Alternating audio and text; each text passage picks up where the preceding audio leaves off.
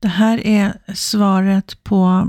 Frågan är väldigt, väldigt lång, så jag kortar ner den. Jag tar mig friheten och det är egentligen svaret på när man har vuxit upp med en narcissistisk förälder och inser att man själv har en del av det där beteendet. Eh, och sen medger man att det finns andra saker som man inte är medveten om. Men just det här, det har blivit väldigt tydligt att man har samma beteende som exempelvis när man blir sårad. Att man eh, går i affekt och bara reagerar för att försvara sig defensivt eller försvinner. Eh, och svaret eh, på det här, det är att när vi växer upp, ehm, och det här gäller alla barn, det finns fem försvarssystem som vi anammar.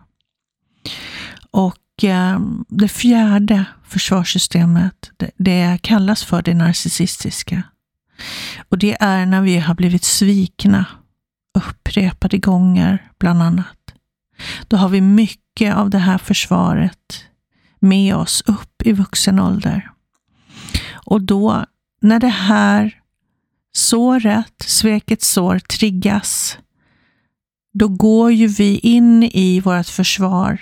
Då går vi in i det narcissistiska försvaret, då vill vi trycka ner, trycka till, eh, du vet, eh, bara få alla emot den här personen som har skadat dig eller vad det nu är. Men på alla medel agerar man eh, väldigt narcissistiskt.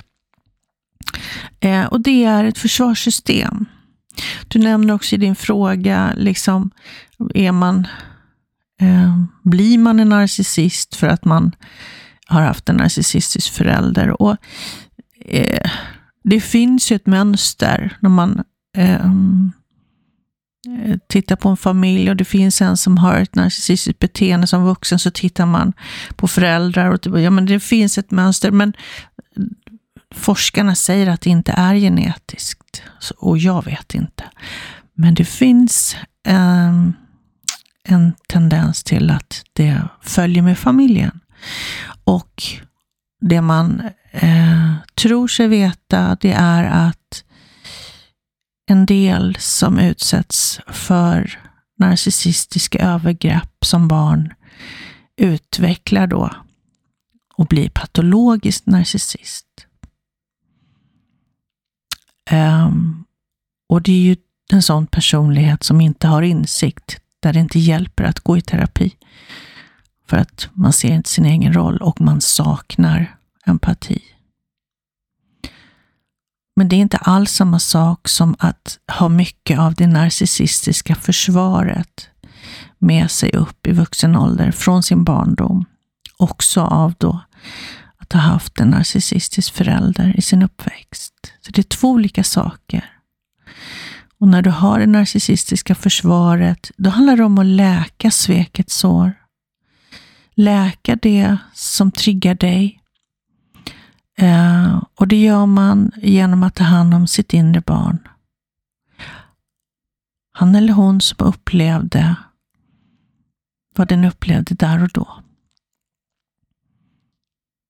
Då läker man det, vilket gör att du inte kommer att bli triggad på samma sätt.